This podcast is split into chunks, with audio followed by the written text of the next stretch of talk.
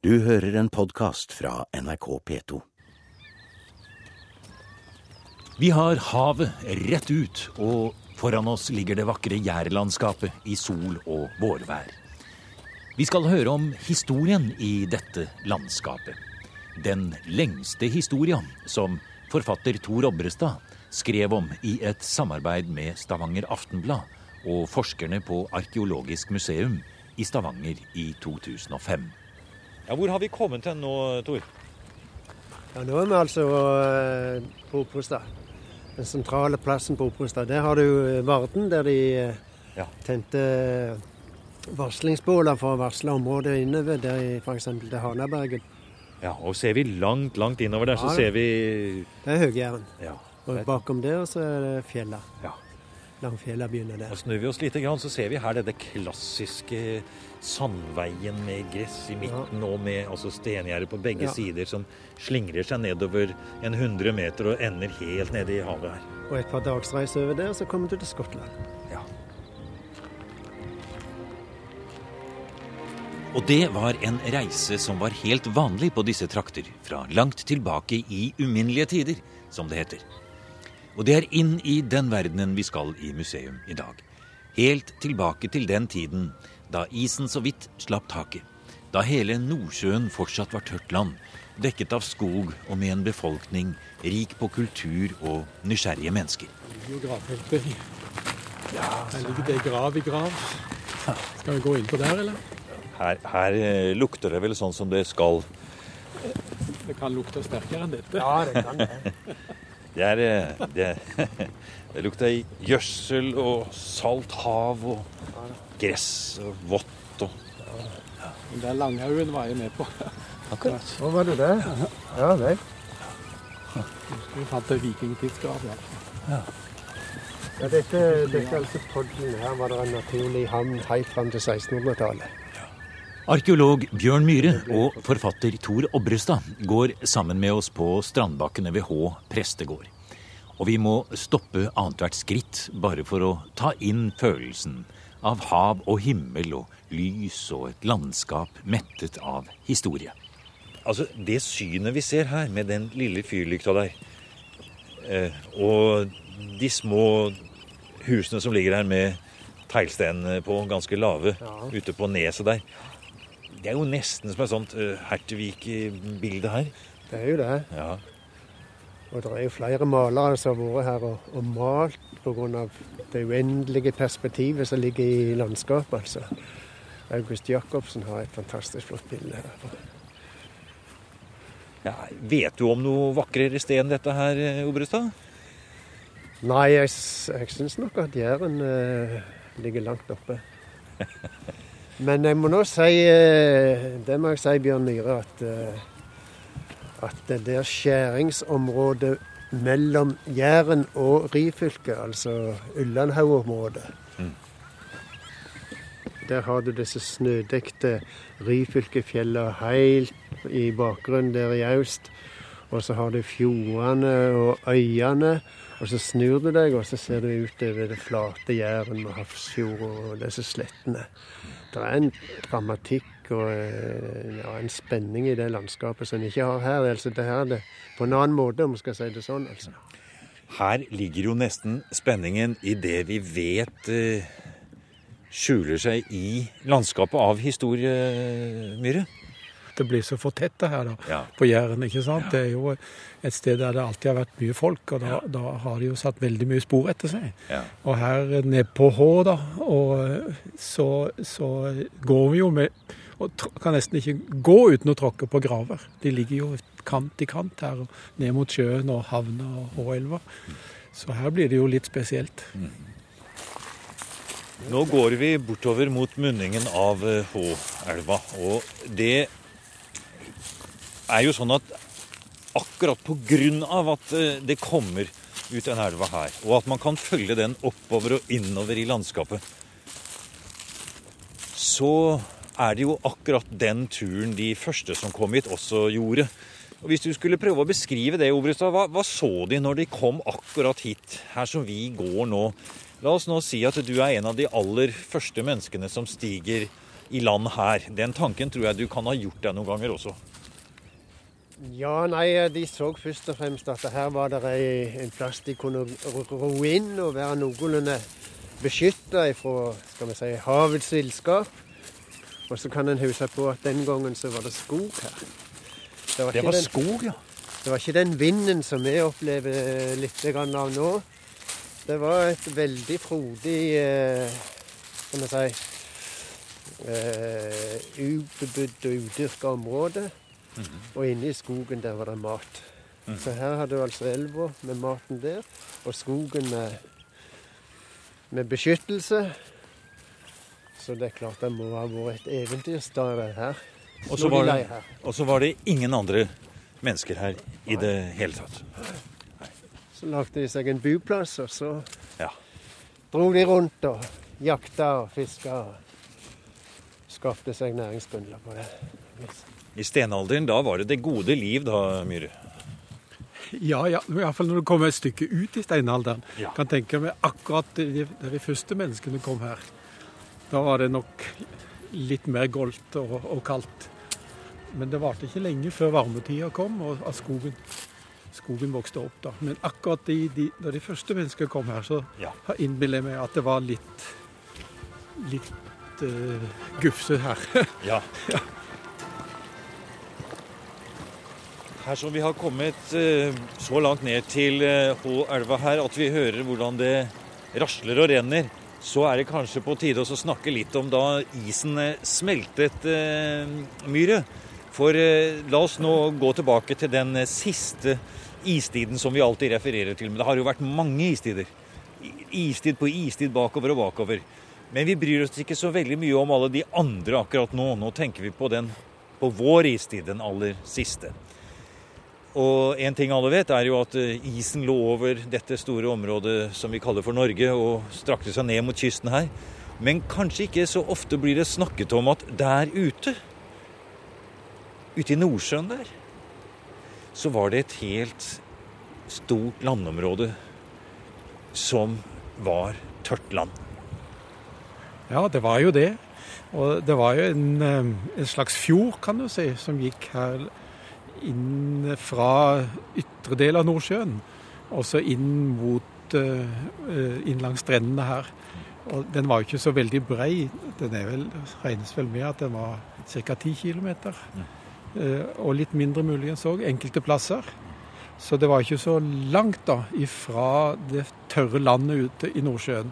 Og når når hadde kommet Hvis du kom herfra og gikk eh, og padlet deg over, over denne fjorden, så hadde du tørt land helt til England og, og eh, til, til Danmark selvfølgelig, og ned til Nederland. Og, og, og Rhinen hadde jo sitt utløp rett uti her, faktisk. Eh, Så du Det var et veldig rikt land der på fugleliv og dyreliv. Så, og de første som kom her, de kom antagelig padlende fra det landet og inn her. Ja, for eh, det er jo sånn at hvis vi tenker oss at veldig mye vann er bundet i isbreene både i Nord-Amerika og her i Europa, så må vi altså senke havnivået ned 130 meter. Og det er jo veldig mye. Og da, da vil det blottlegge store landområder. Så hele dette Nordsjølandet som vi snakker om, det er til og med noen som kaller det for det på en måte vårt sunkne Atlantis. Ja, ja det, det, det, det var jo det. For det var en hel stor sivilisasjon. Og der, eh, der var det jo ganske mye mennesker etter den tid da, som levde i, i eh, eldre steinalder. Og det, når fiskerne er ute med trålen her, så hender det at de, de fisker opp ting som forteller om de første beboerne her. Og, og det er jo fiskere her på Obrestad òg, og langs, langs eh, området her, som, som kan fortelle om ting de får i, i trålen. De får opp òg jord og, og mose og, og rester av overflaten som, var, som det var den gangen. Men òg spor etter mennesker. I trålen, ja. Det er fantastisk. Det er fantastisk. Og du vet, en har jo spekulert på hva som gjorde at de trekte over denne fjorden. Du vet, de Og, levde og kom hit, ja. og kom hit. De levde jo eh, av reinsdyr hovedsakelig nede på disse slettene. Men noen har altså sett seg om bord i en, en kano eller skinnbåt og padla hit. Så var de på jakt etter reinsdyr, eller var de rett og slett drivne av eventyrlyst og ville se nye horisonter? Det, men det er òg en ting som vi skal tenke på, da, det er at de, kanskje, de første som kom, de slo seg ikke ned her med en gang.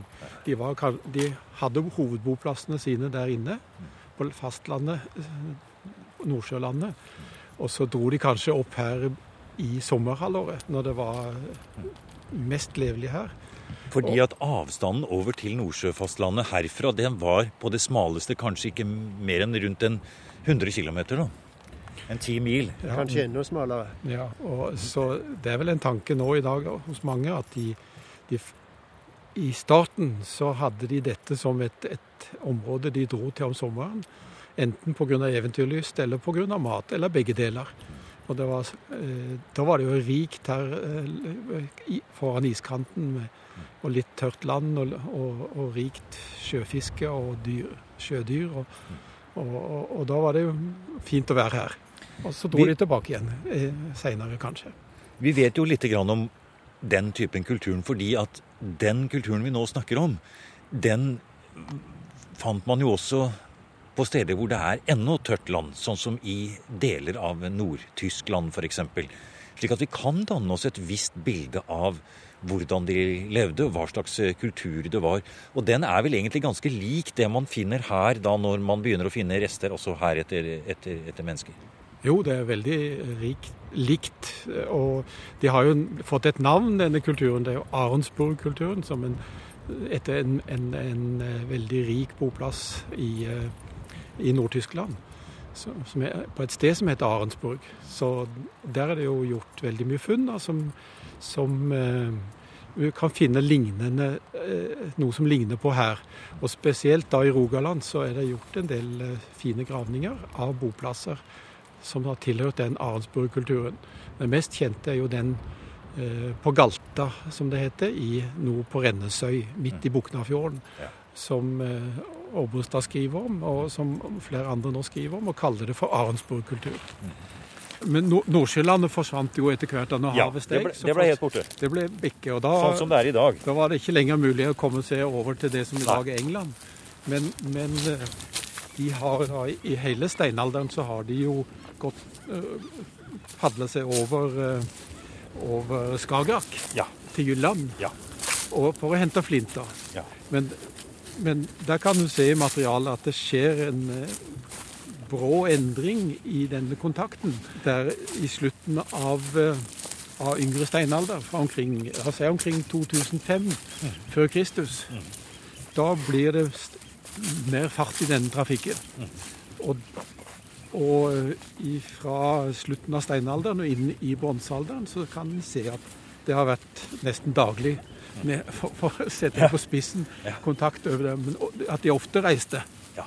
Eh, Så du har hatt en periode da i eldste steinalderen, og det var mye kontakt over til Nordsjølandet. Og så når det forsvant, så var det en periode da kontakten gikk langs kysten. Og så da mot slutten av steinalderen så blir det igjen mye kontakt over Skagerrak. Her vi står nå, så skal vi snakke litt om døde mennesker, Obrita. Se utover det du ser her nå. Vi Ja, står- nei, her ligger de lag på lag og i, i, i mange nivåer. Ja. Her, For har her, her står vi rett og Ja. slett på en fortids fornkirkegård, Ja, kan man vi jo si. står midt på kirkegården her. Ja, helt nede ved vannet. Ja, ja. Og her har de brukt stein og, og sand til å forsegle disse gravene med. For det vi ser på her, det er jo det vi kan kalle for røyser, for det er lagt opp med, med rullesten. da. Ja. Og de eldste gravene her som, som en har klart å finne gjennom ganske omfattende utgravninger, de er fra, fra omkring 100, mellom 100 og 200 etter Kristus. Altså det vi kaller for romertida. Mm. er de eldste gravene som en har, har klart å finne her. da. Men det er allikevel en del eh, skal vi si, mysterier i forbindelse med gravskikkene, Myhre. F.eks. dette med at det er nesten ikke mulig å finne i dag gravstedene til de som kom hit i, i stenalderen. Grunnen til at du ikke finner det, det at de, disse gravene fra steinalderen, det skyldes antagelig at de ikke bygde minnesmerke over selve grava. Hvis de har hatt noe minnesmerke, så har det vært av tre eller organisk materiale som er vekk. og Derfor ser vi det ikke på overflaten. Så det er bare helt tilfeldig at du klarer å, å finne de gravene fra den tida. Nå hører vi det går traktorer, og de pløyer rundt oss her på, i, i våre landbruket her på, på Jæren. Og kanskje er det nettopp i forbindelse med det, høstpløying eller bearbeiding av jorda, så dukker det jo opp løsfunn, som dere arkeologer sier, fra eh, Det kan være en dolk eller et eller annet, midt ute på et jorde. Ja, det, det, skjer hver dag nesten, det på Jæren. Det er kanskje en grav, det? Det vil jeg tror mange av de er da fra graver. Noen kan være en flintdolk eller økser kan jo være ifra offer som er lagt ned. Som er lagt i myr, eller som var myr den gangen, eller inntil store steiner og slik. Så noe er, er offergjenstander. Offer Men en god del også graver som de pløyer opp. Men noen steder i, forhold til stenalderfunn, som f.eks. er inne i, i huler i fjellet osv., vi har jo noen fine sånne her i, i Roalandsområdet. eh, så er det sånn at der har man funnet eh, skjelettrester. For der har eh, jordsmonnet vært av en annen beskaffenhet som gjør at det ikke har gått i oppløsning. Og der har man hatt samlet på en måte hele bosettingen på ett og samme sted. Ja, i sånne situasjoner så, så er bevaringsforholdet for, eh, for skjelettrester veldig gode inne i huler og hellere. og Derfor finner vi graver der. Og da kan vi se at Altså de graver de ned der de bor, altså? Ja, i, i noen tilfeller har, har, de gjort det. Eh, og eh, da kan du se at eh, i, at i noen tilfeller så kan du òg finne gravgods som er lagt ned.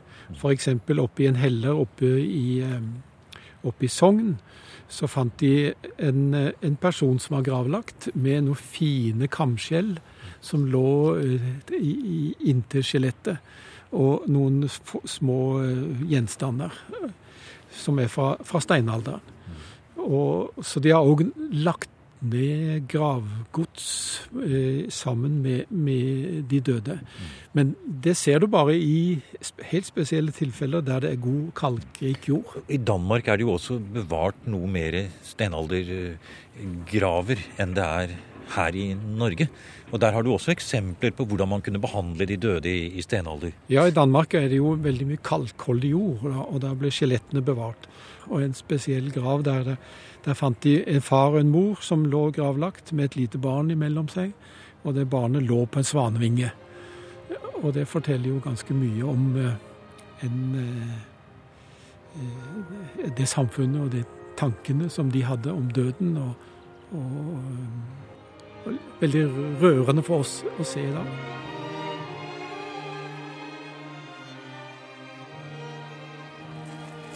Det er først nå i de senere årene at det er gått opp for meg hvor i høy grad jeg, eh, og sikkert alle de som bor her, har levd inn i historien som en helt naturlig ting.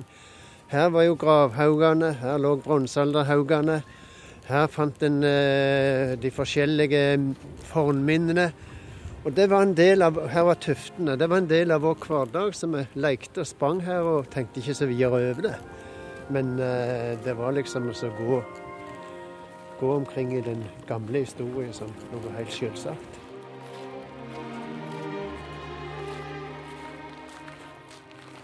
Å være en del av et landskapshistorie, bevisst eller ubevisst.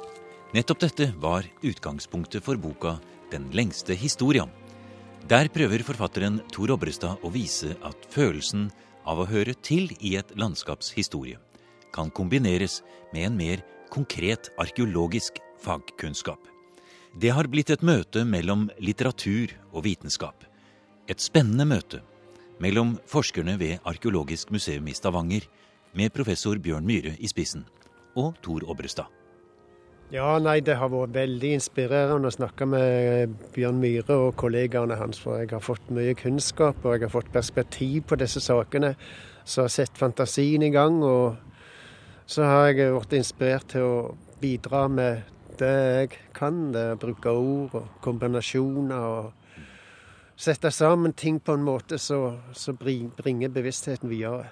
Nei, det har vært en veldig, veldig inspirerende prosess. Hva syns du, Myhre? Har det på en måte gitt, et, eh, gitt noe nytt til forståelsen av eh, historien her i, i, i Rogaland, særlig da? Den, det samarbeidet som dere har hatt med Tore Obrestad?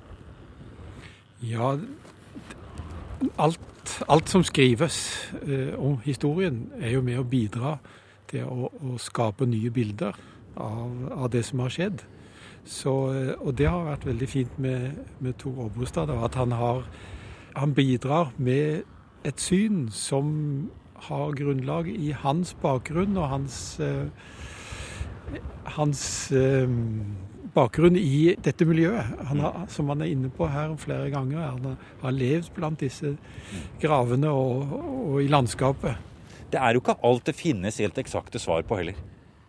Nei, nesten ingenting, har jeg nesten sagt. Det, det, det, det er jo et eh, artig fag, dette her. fordi en prøver jo å tolke fortida ut ifra den erfaringen en sjøl har, og det en har lest om, og det som andre har gjort, og det er en annen, annen forskning.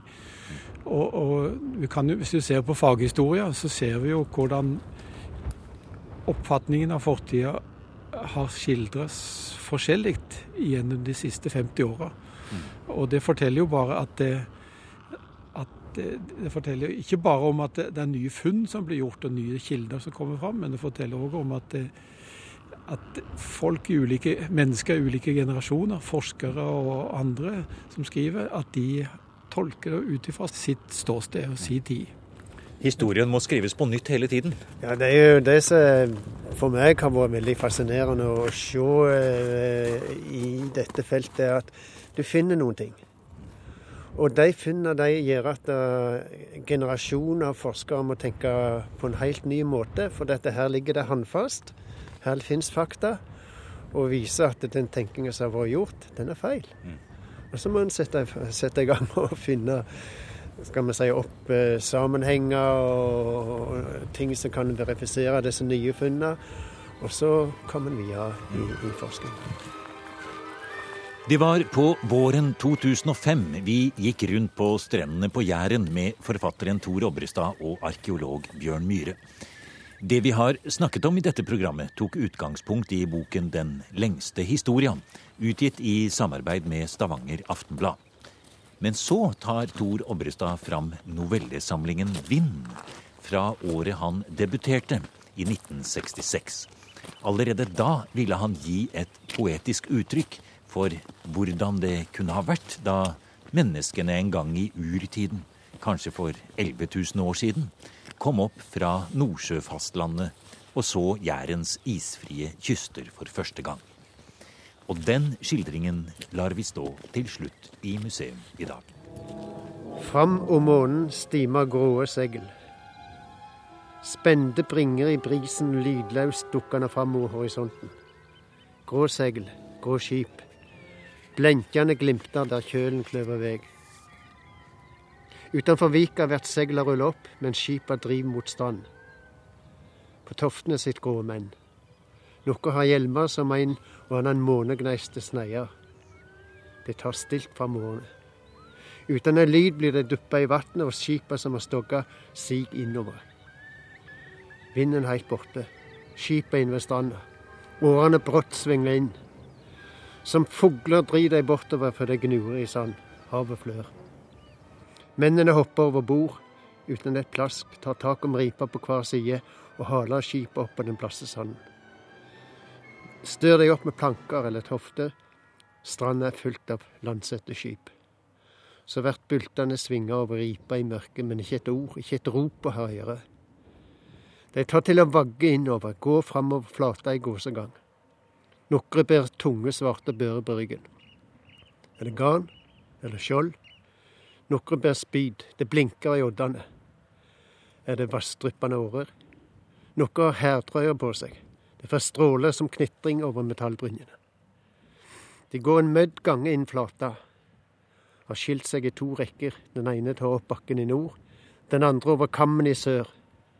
Trøtt går de, dødsens slitne som etter trøstesløse langferd har langt hår, skjagg, men andletet er ikke råd å skilje.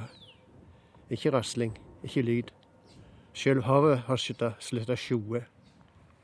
Mennene har nesten nådd opp den bratte brekka. De mot nord bøyer av fra stien og går mot den høyeste delen av kammen.